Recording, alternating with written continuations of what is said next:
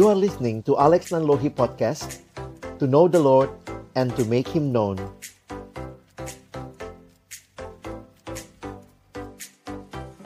Baik, saya bersyukur kepada Tuhan untuk kesempatan ini tetap bisa melayani dengan perbedaan jarak tetapi dengan teknologi Tuhan memungkinkan semua ini sehingga bisa bertemu dengan Bapak Ibu guru dan juga anak-anak, adik-adik yang saya kasihi dalam Tuhan. Mari kita berdoa sekali lagi sebelum kita membaca merenungkan firman-Nya. Kembali kami bersyukur dalam Tuhan kami boleh terus dikuatkan, kami boleh terus belajar seperti apa yang terjadi pagi hari ini. Kesempatan menikmati pesta rohani di penghujung perjalanan kami ada di Sekolah Dian Harapan Makassar. Kembali Tuhan menolong kami, punya waktu untuk rekoleksi, dan kesempatan ini kiranya menjadi kesempatan yang berharga dan terus membentuk hidup kami. Kami akan membuka firman-Mu, bukalah juga hati kami, jadikan hati kami seperti tanah yang baik, supaya ketika benih firman-Mu ditaburkan boleh sungguh-sungguh berakar, bertumbuh dan berbuah nyata dalam hidup kami. Berkati hambamu yang menyampaikan, setiap kami yang mendengar, juga interaksi di antara kami.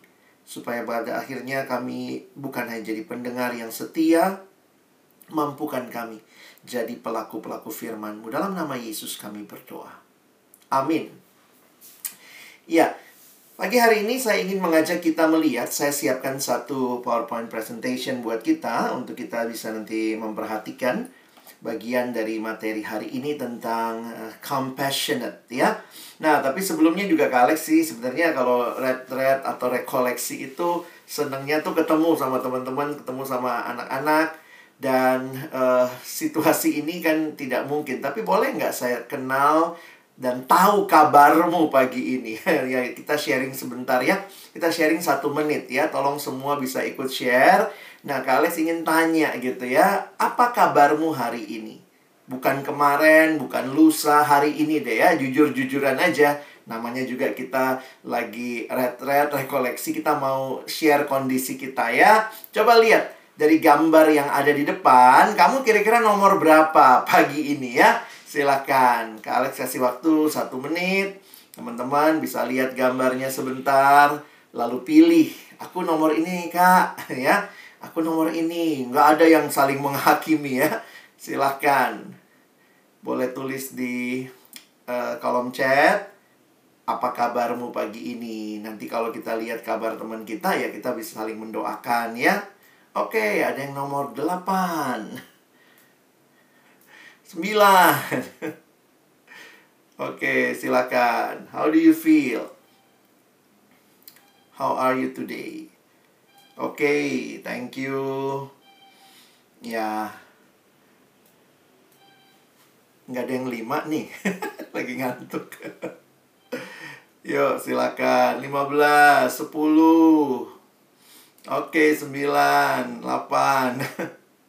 Thank you teman-teman. Silakan saya tunggu lagi 30 detik ya. Silakan boleh diketik. Jadi paling enggak uh, wah, ada yang nomor 5 juga ya. Iya nih, ngantuk gitu ya. Oke. Thank you teman-teman buat sharingnya. Ya, Kak Alex sih berharap bisa kenal kalian pribadi, tapi karena waktu dan jarak kita mungkin nanti bisa uh, ada waktu yang Tuhan sediakan buat kita bertemu. Ya, thank you buat yang sudah sharing. Apa pun situasi kita hari ini, mari kita mohon Tuhan kembali memberikan kekuatan dan semangat buat kita ya. Nah, saya akan mulai dengan bicara tentang satu kutipan yang sangat berkesan bagi saya. Kutipan ini mengatakan Christianity isn't a religion, It's a relationship with God through Jesus Christ. Kekristenan itu bukan sekadar agama yang di dalamnya ada ritual, yang di dalamnya ada ajaran, tetapi kekristenan adalah relasi dengan Allah di dalam dan melalui Yesus Kristus. Jadi bagi kita ini penting ya. Siapa Yesus buat hidupmu menjadi bagian penting yang perlu terus kita ingat. Karena beda dengan apa yang diajarkan di dalam kepercayaan yang lain yang sekadar bicara aturan, ajaran, ritual, tetapi kekristenan adalah relasi ya dengan Allah. Bukan berarti di dalam Kristen nggak ada ajaran, nggak ada ritual, ada semuanya ya. Tetapi sekali lagi, waktu kita berbicara kekristenan, maka ini adalah relasi yang hidup dengan Tuhan. Karena itu, ini generasi GPS ya, ya posisi itu sangat penting ya. Maksudnya apa? Posisi sangat penting ya apakah kita yang ada di dalam hidup ini dalam relasi kita dengan Kristus bagaimana? Kita ada di dalam Kristus kah? Atau kita masih ada di dalam dosa? Dan saya pikir kalian sudah dengar banyak sepanjang kalian dididik di sekolah Dian Harapan. Dan ini jadi bagian yang penting bahwa kita diajarkan untuk boleh membuka hati terima Yesus dalam hidup kita. Dan bukan hanya sampai di situ. Bagi orang-orang yang sudah terima Yesus, percaya sungguh-sungguh kepadanya, kita pun mau jadi murid yang bertumbuh, growing in Christ. Dan ada gambaran yang menarik, yang juga sering kali kalau di sekolah Dian Harapan saya lihat itu jadi kayak tema tahunan begitu ya. Nah, dimulai dari believing in Christ, tetapi kemudian bertumbuh dan ada arahnya. Arahnya apa? Arahnya adalah becoming like Christ. Kita bukan hanya percaya pada Yesus, tetapi kita menjadi serupa dengan Dia. Jadi pertumbuhan kita adalah pertumbuhan yang makin hari makin serupa dengan Kristus, makin hari makin serupa dengan Kristus. Dan kalau itu teman-teman sudah lalui selama kurang lebih tiga tahun kalau kalian mungkin juga lebih lama lagi, mungkin dari SMP atau dari SD ada di Dian Harapan, kalian sudah belajar banyak tentang hal ini.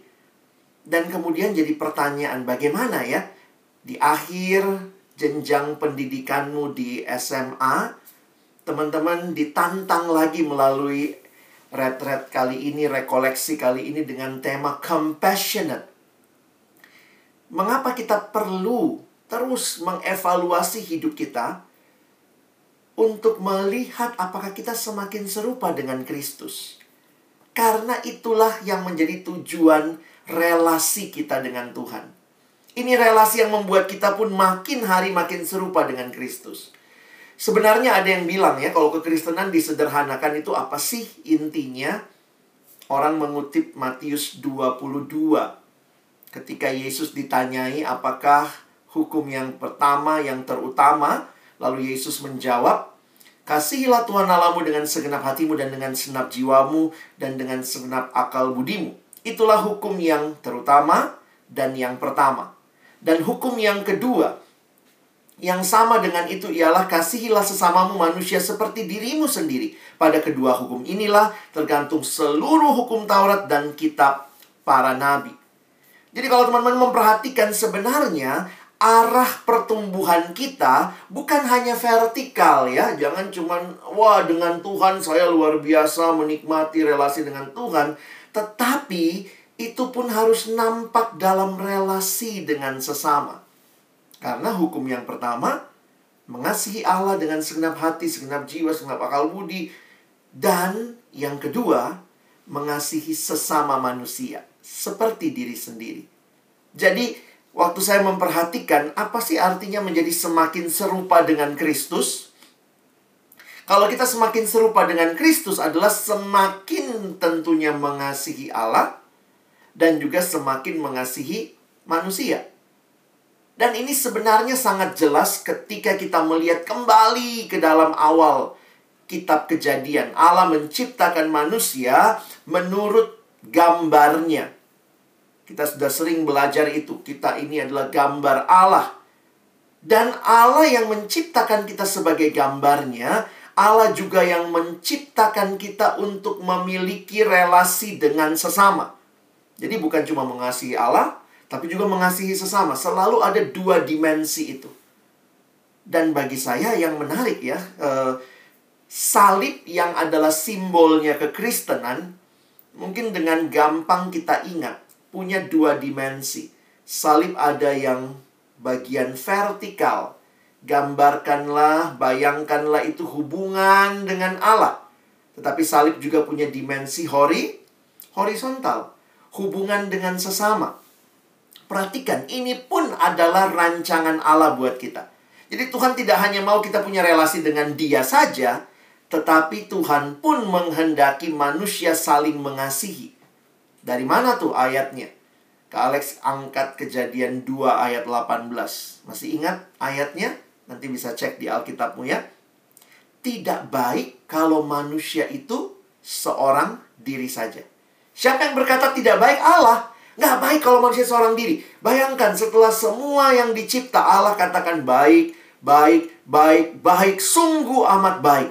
Maka pertama kali di Alkitab kita muncul kata tidak baik di kejadian 2 ayat 18. Tidak baik kalau manusia itu seorang diri saja. Jadi teori manusia makhluk sosial itu bukan semata-mata teori sosiologi. Itu rancangan Allah yang menciptakan kita kita membutuhkan satu sama lain. Kita harusnya bisa mengasihi satu sama lain. Karena itu saya mengutip kalimat dari pendeta John Stott yang berkata, sebagaimana ikan dibuat untuk air, umat manusia dibuat untuk kasih, untuk mengasihi Allah dan mengasihi sesama kita. Jadi, teman-teman, ketika kamu akan menyelesaikan ya kesempatan pendidikan yang Tuhan berikan di sekolah Dian Harapan, coba evaluasi lagi hidupmu.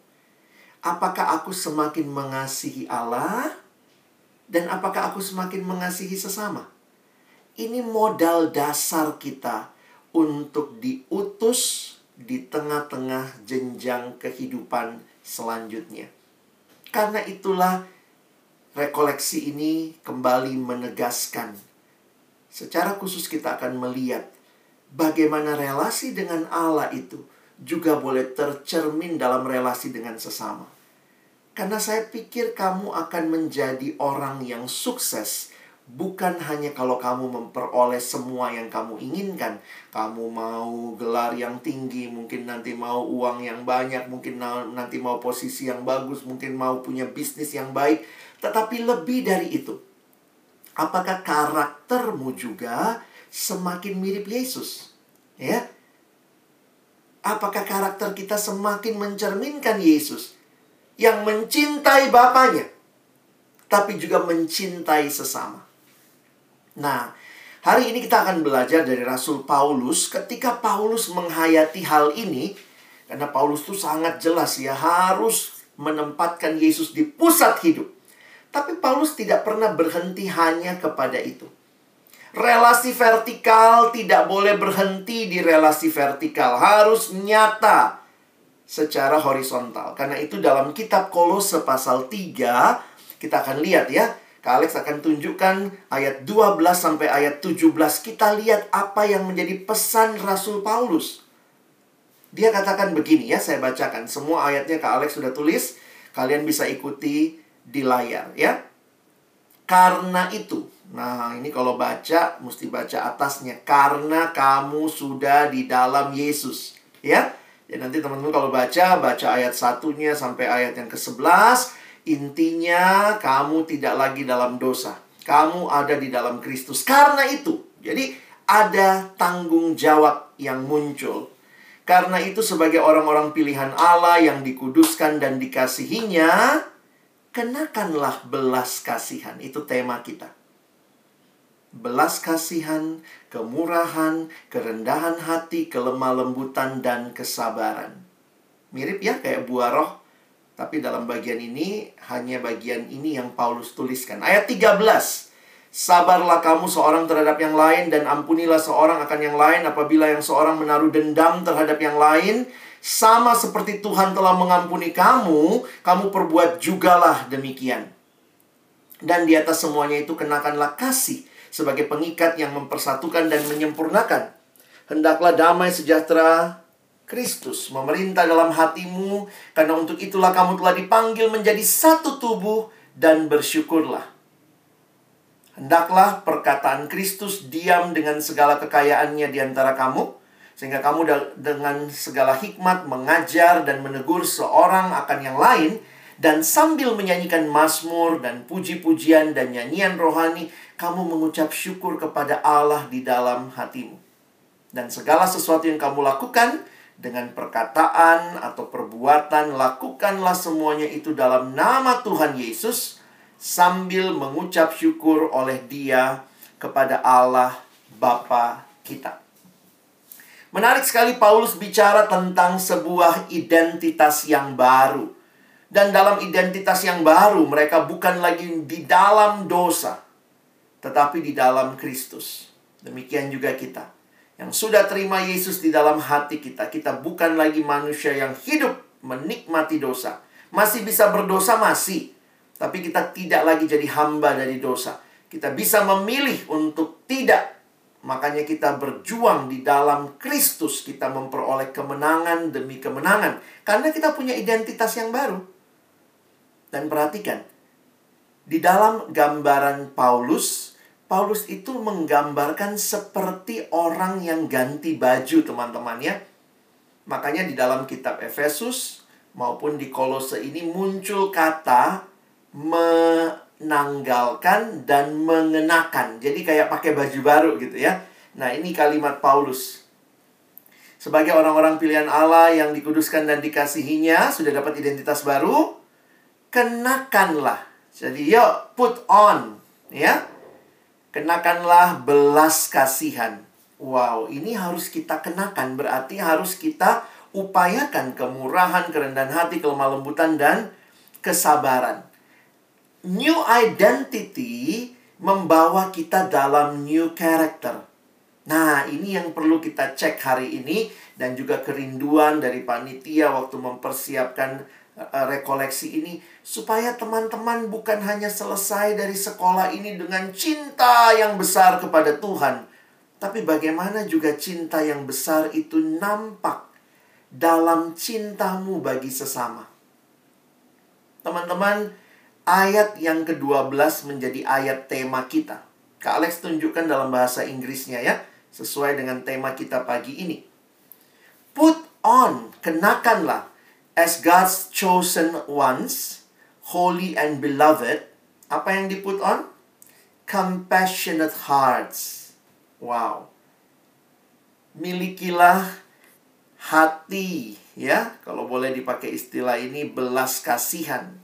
Dalam bahasa Inggris ini malah ada kata hatinya ya, hati yang berbelas kasihan. Kalau Indonesia hanya menggunakan kenakanlah sebagai orang pilihan Allah, kenakanlah belas kasihan. Nah, apa yang dimaksud dengan compassionate heart? Dari mana sumbernya compassionate hearts ini? Inilah yang kita mau sama-sama pikirkan pagi hari ini. Bagaimana engkau dan saya mengerti what is compassionate heart? Saya mulai dengan istilah ini dulu ya. What is compassion? Sebenarnya kata compassion originnya itu dari bahasa Latin ya the origin of the word of the word help us grasp one through breadth and significance of compassion. Kita bisa melihat betapa luasnya cakupan dan makna dari kata compassion ini. Kata compassion dari dua kata atau ini ya compati, compat, uh, compassion dalam Latin itu berarti suffer with menderita bersama. Nah, ini jadi menarik nih. Menderita bersama. Karena itu kesimpulannya begini. Compassion means someone else's heartbreak becomes your heartbreak. Apa yang mendukakan orang itu pun menjadi duka bagi kita. Orang yang punya compassion adalah orang yang juga merasakan, ikut merasakan, ikut menderita bersama apa yang sedang dirasakan, dialami oleh orang lain. Another suffering becomes your suffering. And through compassion changes the way we live. Teman-teman, kenapa kita mesti punya hati yang seperti ini? Kita ada dalam dunia yang sangat-sangat individualistik. Ketika ada orang perhatian sama orang pun dibilang apaan sih lu kepo? Kenapa kau e, lihat-lihat hidupku? Urus saja hidupmu itu. Kita begitu gampang untuk terjebak dalam situasi dunia yang juga sangat egois. Tetapi ciri dari orang yang mengalami Yesus dalam hidupnya adalah dia punya compassion. Dia bisa merasakan apa yang juga orang lain rasakan. Saya lagi bayangkan kalau generasi muda di tahun-tahun ke depan ini mungkin punya ilmu yang sangat tinggi, punya kedudukan yang sangat tinggi, punya uang yang sangat banyak. But if they lack of compassion, teman-teman bisa membayangkan akan jadi apa dunia ini ya.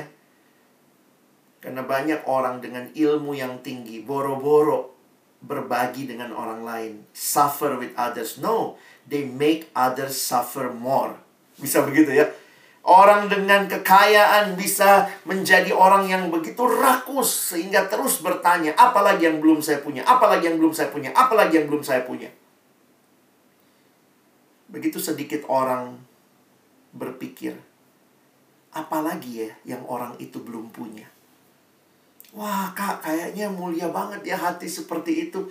Itulah hati yang Tuhan mau engkau dan saya miliki. Teman-teman Tuhan tidak hanya mau kita cinta dia begitu tinggi. Oh Tuhan engkaulah segala-galanya bagiku. Terima kasih Tuhan berkatmu. Kadang-kadang orang Kristen terjebak di situ ya. Aku dan Tuhan, aku dan Tuhan terima kasih. Minta berkat lagi, minta tambah berkat, tambah berkat, tambah berkat. Kita lupa bahwa berkat adalah supaya kita pun menjadi berkat Mari bukan hanya minta berkat sama Tuhan, tapi mintalah hati yang juga memberi bagi orang lain, membagikan berkat Tuhan. Wah, ini satu hal yang saya pikir penting sekali. Sebelum kalian keluar dari sekolah ini, ingatlah bahwa kalian tidak dididik hanya cuma jadi orang yang egois, termasuk dalam kerohanian yang egois, yang adalah saya, berkat Tuhan bagi saya, semuanya bagi saya, semuanya bagi saya, bodoh amat dengan orang lain. Bukan itu. Compassionate heart bicara karakter apa yang teman-teman perlu miliki. Dan kenapa kita diminta seperti ini? Ini bukan sesuatu yang terlalu muluk-muluk sebenarnya. Karena perhatikan ya, the idea of compassion comes to us because we are made in the image of God. Who is God who is the uh, ultimately the compassionate one. Kenapa kita dituntut punya hati yang compassionate? Ya karena Tuhan kita yang menciptakan kita segambar dengan dia. Kalau kamu dan saya segambar dengan dia, ingatlah. Allah kita tuh Allah yang berbelas kasih. Compassionate God. Lihat ayat-ayat ini ya, sengaja Kak Alex nggak terjemahin karena kalau dalam bahasa Indonesia tuh banyak kata diganti-ganti ya. Kadang dipakai belas kasihan, kadang dipakai murah hati gitu ya. Kalau Inggrisnya lebih konsisten ya. But you, Lord, are a compassionate and gracious God, slow to anger, abounding in love and faithfulness. Mazmur 86 ayat 15. Nanti lihat Mazmur 103. As a father has compassion on his children, so the Lord has compassion on those who fear him. Mazmur 103. The Lord is gracious and righteous Our God is full of compassion. Mazmur 116 ayat yang kelima. Berarti kita tidak diminta menjadi sesuatu yang kita tidak punya potensinya. Tuhan minta karena Tuhan tahu dia ciptakan kita. Kalau dia yang ciptakan kita adalah compassion, uh, compassionate God, kita bisa dalam anugerahnya have a compassionate heart. Dan perhatikan teman-teman ya, Allah kita ini yang mengutus anaknya Yesus menyelamatkan kita. Even Jesus, He is a compassionate Savior. Perhatikan beberapa tulisan ini ya, nanti kalian bisa cek ceritanya. Ketika Yesus misalnya lewat begitu ya, lalu kemudian melihat orang banyak, beberapa kali di Alkitab dicatat, tergeraklah hatinya oleh belas kasihan. Matius 14, He had compassion on them. Ketika Yesus lewat, lalu ada dua orang buta berseru, "Ya Tuhan, anak Daud, kasihanilah kami." Alkitab mencatat Matius 20 ayat 30 34 ada kalimat Jesus had compassion on them. Jadi teman-teman ini bukan hal yang teman-teman dan saya tidak punya potensinya. Karena Tuhan ciptakan kita, kita segambar dan dengan dia. Bagaimana caranya punya compassionate heart? Miliki relasi sama Tuhan. Yang compassionate God supaya kita terus dipenuhi oleh kasihnya. Makanya waktu Paulus bilang kenakanlah kasih, kenakanlah belas kasihan, have compassionate heart Perhatikan, langsung ada prakteknya. Lihat ya, sekarang saya masuk ke ayatnya lagi. Balik ke tadi ya. Gimana prakteknya? Prakteknya semua tuh one another. Sabarlah kamu seorang terhadap yang lain. Saling mengampuni. Dan waktu dia katakan saling mengampuni, lihat yang ke Alex garis bawahi. Sama seperti Tuhan. Tuhan kita adalah Tuhan yang mengampuni. Kalau kamu diampuni oleh Tuhan, belajarlah mengampuni. Kadang-kadang kita tuh cuma mau diampuni sama Tuhan ya. Biarlah. God have mercy on me. Compassionate God, forgive me. Tapi waktu orang lain bikin salah sama kita, oh saya tidak bisa kak. Saya satu kali dikasih begitu, oh tidak mau memang toh, tidak memang tolong saya, oh saya tidak bisa saya. Banyak orang yang begitu. Tapi kalau sama Tuhan, Tuhan pokoknya berapa kali saya bikin dosa, ampuni ya. Tapi waktu others, makanya kalimatnya adalah to have a compassionate heart, you need to be as Jesus sama seperti Tuhan. Kenakanlah kasih sebagai pengikat yang mempersatukan. Lalu nanti di bagian bawahnya tadi ayat-ayatnya ya, akhirnya kita bisa alami damai sejahtera, kita bisa bersyukur dan ini salah satu kuncinya. Hendaklah perkataan Kristus diam dengan segala kekayaannya di antara kamu. Bagaimana supaya kita have a compassionate heart? Baca firmannya, perkataan Kristus harus diam di hati kita menggelorakan compassion heart sehingga kita pun bisa share kepada yang lain. Dan akhirnya kita bisa pergi dan melakukan segala sesuatu dalam nama Tuhan Yesus. Teman-teman akan diutus masuk ke dalam jenjang pendidikan yang tinggi. Tapi kiranya kalian bukan jadi orang-orang yang egois. Bukan jadi orang-orang yang tidak punya hati yang dibangun dengan compassion belajar peduli dengan apa yang ada di sekitar kita. Rasul Yohanes menuliskan kalimat ini. Saudara-saudaraku yang kekasih, jikalau Allah sedemikian mengasihi kita, maka haruslah kita juga saling mengasihi. Lihat arahnya ya. Jangan cuma senang Tuhan kasihi saya, kasihi saya, tapi lihat tanggung jawabnya maka haruslah kita juga saling mengasihi. Kalau begitu, kuncinya bagaimana kita punya compassionate heart? Ya terus melekat sama Tuhan yang compassionate God. Kepada Yesus, the compassionate Savior. Then you will also experience the same heart as God's heart. As Jesus' heart. Ya? Oke, jadi Kak Alex ingin tutup dengan uh, ilustrasi aja kali ya biar kalian ingat how to have a compassionate heart. Saya ingat kalau naik pesawat tuh suka ini tiba-tiba kalau eh bukan tiba-tiba ya kalau pas mau naik kan suka diberikan peragaan, petunjuk penggunaan uh, alat keselamatan lalu nanti pramugarinya juga ngomong jika tekanan udara di dalam pesawat mendadak berkurang, maka masker oksigen seperti ini akan keluar dari panel di atas Anda tarik masker ke arah hidung, tutupi, menutupi mulut dan hidung, dan bernapaslah seperti biasa. Biasa gitu kan? Ya, kita nggak berharap sih ya lagi terbang terus beginian ya. Tapi bagi saya yang menarik adalah the next thing. Ya, bagi Anda yang bepergian dengan anak-anak, pakailah masker Anda terlebih dahulu sebelum menolong anak Anda. Wah ini waktu saya renungkan maknanya ya dalam kaitan tema pagi ini ya You cannot be compassionate if you're not have a compassionate heart first. Biarlah engkau alami dulu oksigen Allah, oksigen kasih Allah yang mengalir memenuhimu dan terus hidup dekat dengan Tuhan dan kamu akan Tuhan pakai menolong yang lain. Jangan mimpi nolong-nolong yang lain without compassionate heart. Tapi juga jangan egois sudah nikmati oksigennya terus diam aja sendiri. Eh, lihat orang, ih mati, ih mati lagi, halo gitu ya. No, hanya ketika engkau dan saya mengalami dari Allah kasih yang sejati, kita diminta untuk mengaplikasikannya. Tuhan minta kita buka mata lihat sekeliling kita. Kadang-kadang Tuhan nggak langsung Tuhan bilang, pergi kau ke mana? Pergi kau ke Afrika. Tuhan bilang, jangan mau kau dulu Afrika. Lihat mau kau dulu di rumahmu. How you treat your uh, driver misalnya. Gimana kamu memperlakukan supirmu? Gimana kamu memperlakukan uh, asisten rumah tangga di rumahmu? Bagaimana kamu memperlakukan mungkin papamu, mamamu?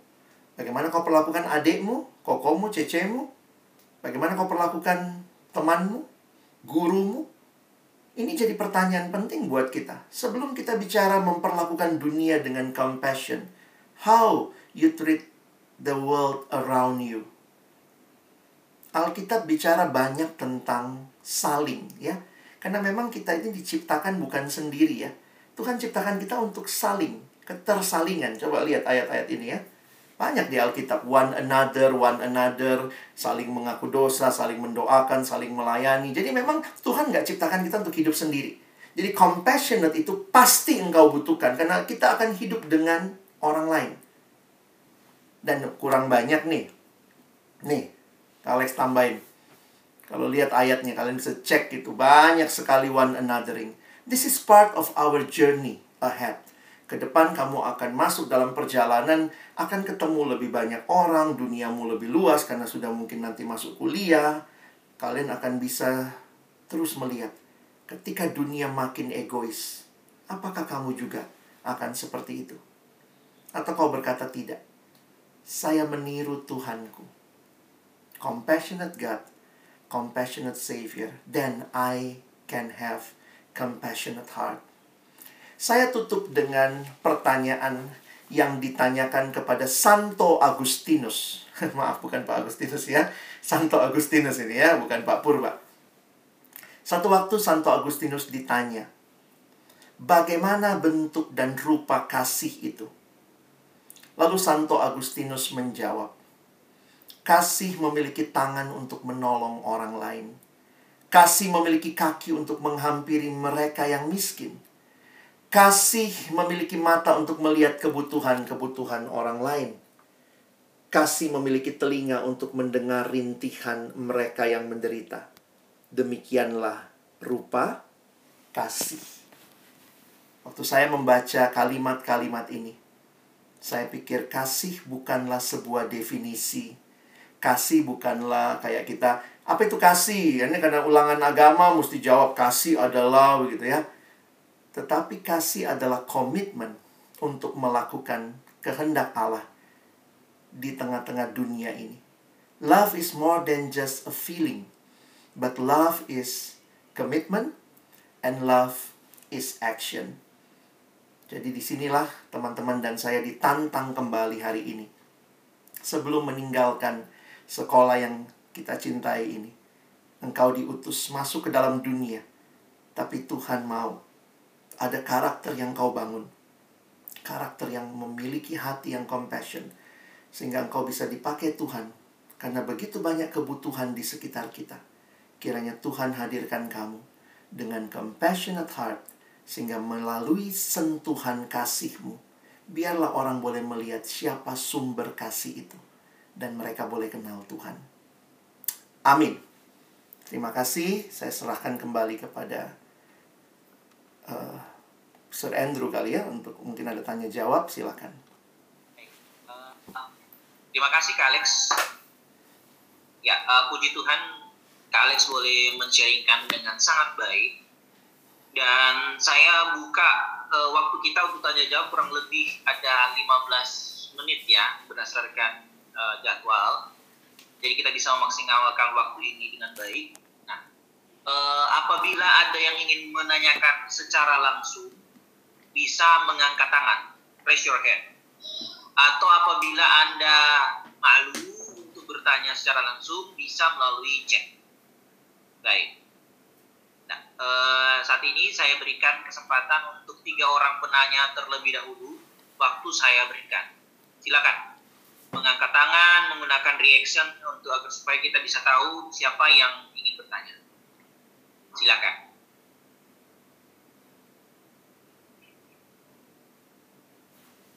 Mungkin saya memicu dulu, trigger dulu ke Alex. Ya, silakan Sir Andrew. Ya, uh, mungkin sering kali jadi pertanyaan bagi kita. Mungkin Kak Alex kan yang sudah cukup lama melayani di pelayanan siswa. Uh, Kak Alex ini juga sebagai uh, informasi lulusan SMA 1 ya, SMA 1 Makassar. Makassar. Jadi seluk beluk anak Makassar sangat dimengerti oleh Kak Alex.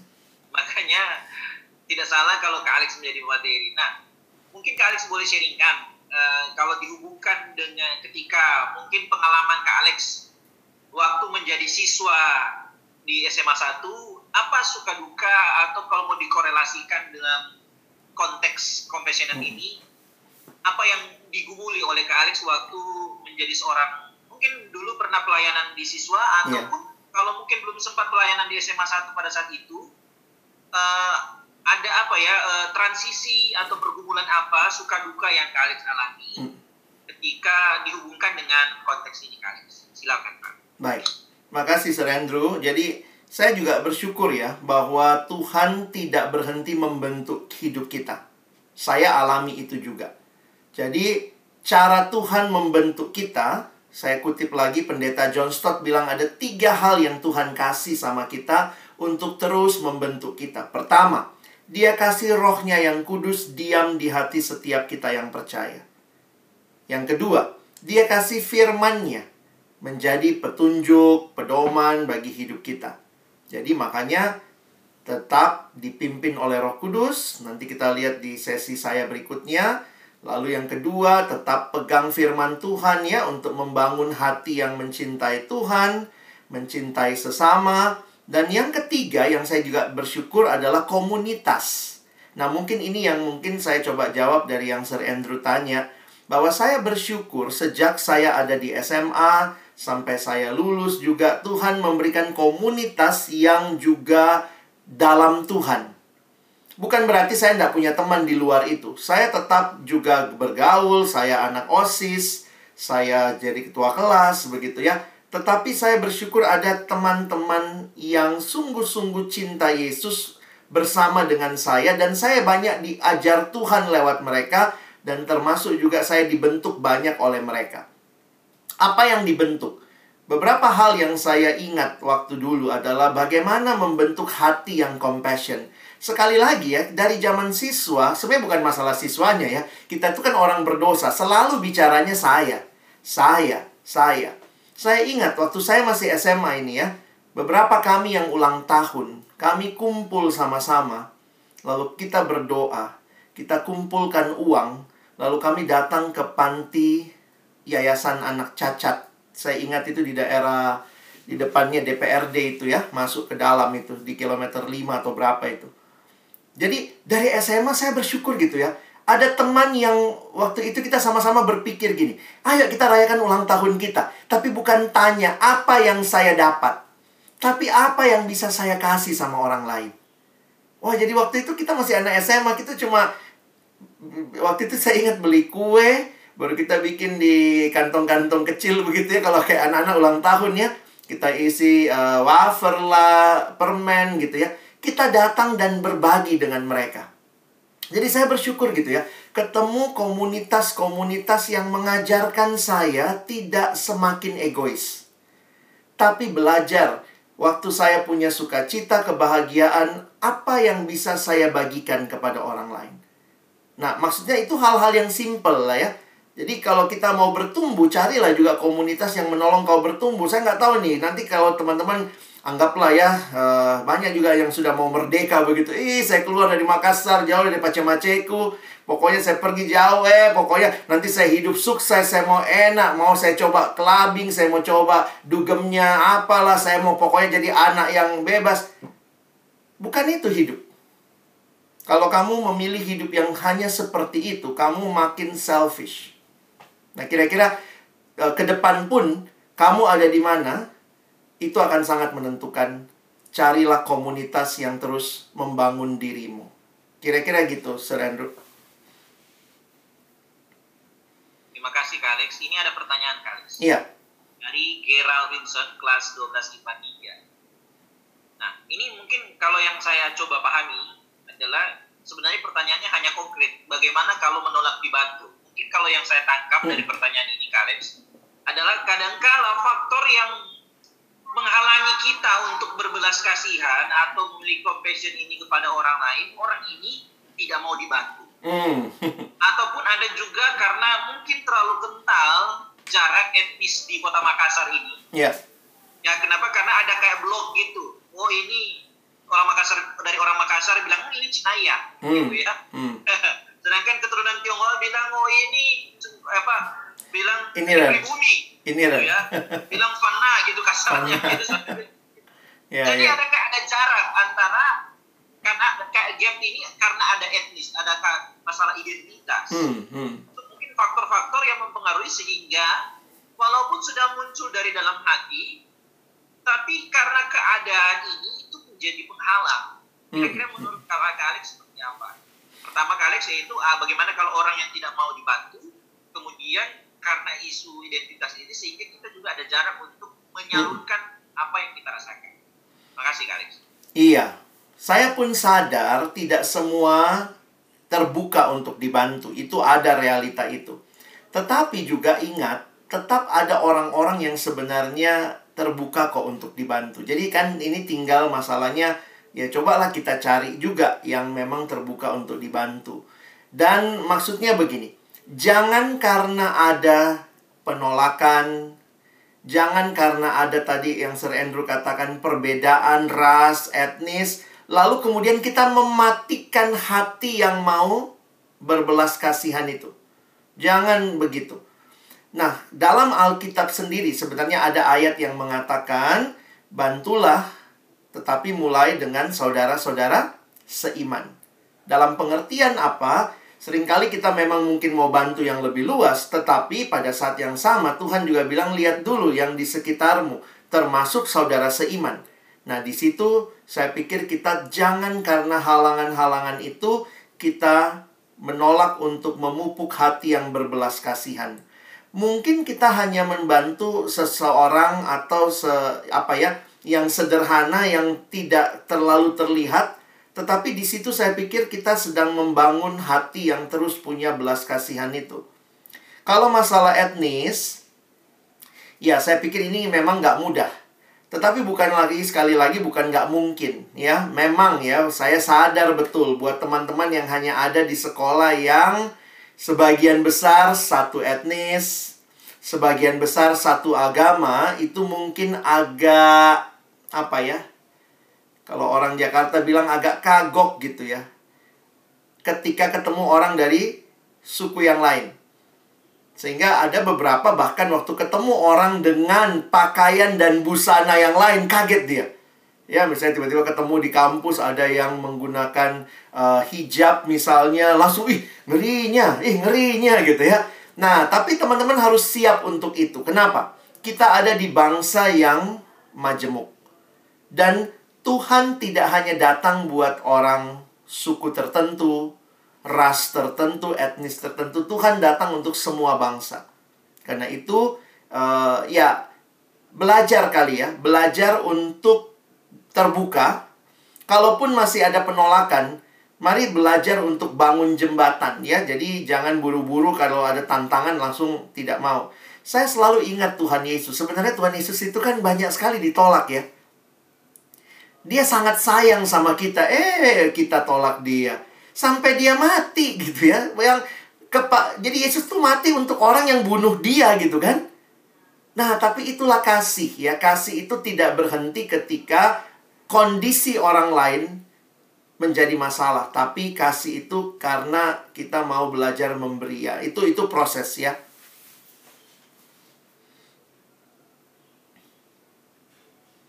Terima kasih Kak Alex. Sama-sama. Semua proses ya. Iya. ya, baik. Masih saya buka pertanyaan, kita masih ada waktu kurang lebih 5 menit. Silakan raise your hand atau Anda juga mau bertanya melalui chat. Waktu saya berikan. Mungkin satu dua penanya ya, satu dua penanya sebelum kita akan close untuk eh, sesi. Silakan. Ayo silakan bertanya jangan saya sampai gunakan juga istilah ke Alex, jangan bikin kagok moderator kalau tidak ada pertanyaan. mati gaya, mati gaya. Mati gaya kak, betul. Itu suka duka kak menjadi seorang moderator yang tidak ada pertanyaan. Oke, silakan. Ada yang mau bertanya? Baik melalui live atau melalui chat, silakan. Oke, mungkin satu dua menit tertunggu. Titipan, Sir. Uh, ditanyakannya sebenarnya titik dari Miss Uli, seberapa harus kita bantu atau sadarkan orang lain, apalagi kalau dia keluarga kita sendiri, gitu, Sir. Oke, Itu ada baik. chat juga, Sir. Ya, terima kasih. Iya. Ya, malu-malu ini juga ada jalur yang baru lagi. Bukan jalur reaction, bukan jalur chat, titip wali kelas. Itu balik kelas. Kayak menitip utarisan ya Kak Alex ya. Phone a friend, phone a friend. Ono friend. Lihat luar biasa Kak Alex ini ya Kak Alex. Silakan Kak Alex. Oke. Nah, memang kita harus sadar betul membantu itu juga ada apa ya? Ada etikanya, lalu sisi lain juga ada ada hal yang harus diwaspadai gitu. Dan sebenarnya Alkitab juga memberikan kepada kita berbagai wawasan. Jadi, misalnya ya, jangan membantu lalu orang itu jadi bergantung sama kamu. Itu kan berarti membantunya tidak membuat dia mandiri. Jadi, membantu yang baik adalah sebenarnya menolong dia untuk bisa lebih mandiri. Di sisi yang lain, memang dalam kasus-kasus tertentu, khususnya kalau keluarga ya, apalagi ada yang terus datang sama kita di rumah terus orang orang bilang orang Makassar bilang dia Pak Doja, Doja terus dia tuh datang minta lagi, minta lagi. Jadi sebenarnya dia justru memanfaatkan kita yang membantu.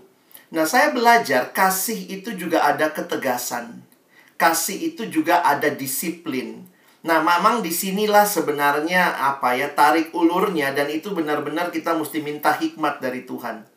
Kapan kita membantu, kapan kita tidak membantu, kalaupun kita bantu yang kita kasih, apakah bantuan untuk menyelesaikan pergumulan saat itu saja? Saya ada utang 3 juta, tolong bayarkan dulu. Jadi bayar selesai utangnya. Tapi ternyata bisa jadi dia punya kebiasaan ngutang atau karakter yang terus misalnya mau cepat untung besar sehingga judi lah atau apa. Nah, jadi kita juga belajar jangan tidak selamanya harus kasih ikannya, tapi kadang kita harus kasih kailnya. Misalnya saya bukakan ke usaha. Nah, itu kalau keluarga kan saya pikir kalau kalian dalam dunia bisnis di Makassar pasti pace-macemu pernah cerita itu dulu ya. Dia datang sama kita, dia minta apa. Mungkin kalian bisa dengar ya. Dan minta hikmat dari Tuhan supaya kamu diberikan hikmat untuk kapan menolong dan menolongnya dalam bentuk apa. Dan selalu ingat, kasih itu bukan selalu bicara apa pun yang dia mau kita kasih. Enggak. Kasih juga ada ketegasan, kasih ada disiplin, kasih juga ada eh, bahkan karena Allah kasih, dia marah sama dosa, ya. Jadi jangan selamanya juga melihat, wah kalau Kristen kayaknya baik sekali, di minta apa saja pasti dikasih. Saya pikir nggak begitu juga. Itu namanya mempermainkan kasih. Makanya di dalam bagian lain nanti baca Efesus 4 misalnya eh, ada tanggung jawab belajar terima orangnya tetapi juga bangun orangnya. Makanya Paulus bilang yang mencuri stop mencuri. Tapi jemaat harus terima dia. Lalu Paulus bilang dia harus bekerja keras dengan tangannya. Supaya apa? Supaya dia bahkan bisa membantu orang lain. Menarik sekali ya cara Paulus menangani pencuri dalam jemaat. Yang mencuri, stop mencuri. Tapi yang lain terima yang yang memang pencuri yang bertobat tuh mesti diterima. Dan biarkan dia bekerja dengan baik sampai dia bukan hanya bekerja bagi dirinya, tapi dia pun bisa membantu orang lain. Nah ini proses yang menarik, membantu orang. Kadang-kadang ada orang yang mau bantu tapi kita nggak terima dia. Ada juga begitu ya. Kita bantu tapi sebenarnya kita nggak mau terima dia. Nah di sisi lain saya lihat ini tarik ulurnya ada di sini nih. Nah itu semua butuh hikmat ya. Nggak, nggak bisa cuman teorinya kalau ini, ini, ini, ini. Hidup itu bergantung sama Tuhan itu setiap waktu. Karena ada situasi-situasi yang kita perlu hikmat dari Tuhan. Mungkin itu. Baik. Terima kasih. Iya, saya cuma mau menegaskan bahwa Tuhan yang menciptakan kita, Dia Allah yang berbelas kasih, karena itu kita yang dicipta juga punya potensi untuk berbelas kasih, dan karena itu teruslah bergantung kepada Tuhan. Dalam hikmat yang dari Tuhan, engkau pun akan dipakai untuk boleh menyatakan belas kasihannya bagi sesama. Ya, saya berharap perjalananmu ke depan bukan perjalanan egois, bukan perjalanan yang lupa Tuhan, lupa diri, tetapi ingat Tuhan, ingat dirimu dan jadi berkat bagi sesama. Ya, saya sungguh rindu teman-teman yang punya kesempatan pendidikanmu bagus. Masa depanmu mungkin juga begitu cerah. Orang tuamu punya semua yang mungkin bisa diberikan untuk kemajuanmu. Tapi kalau kamu egois, kamu jadi orang paling menyedihkan di dunia. Tapi kalau kamu berbelas kasih, Tuhan pakai kamu jadi berkat luar biasa. Ya, terima kasih.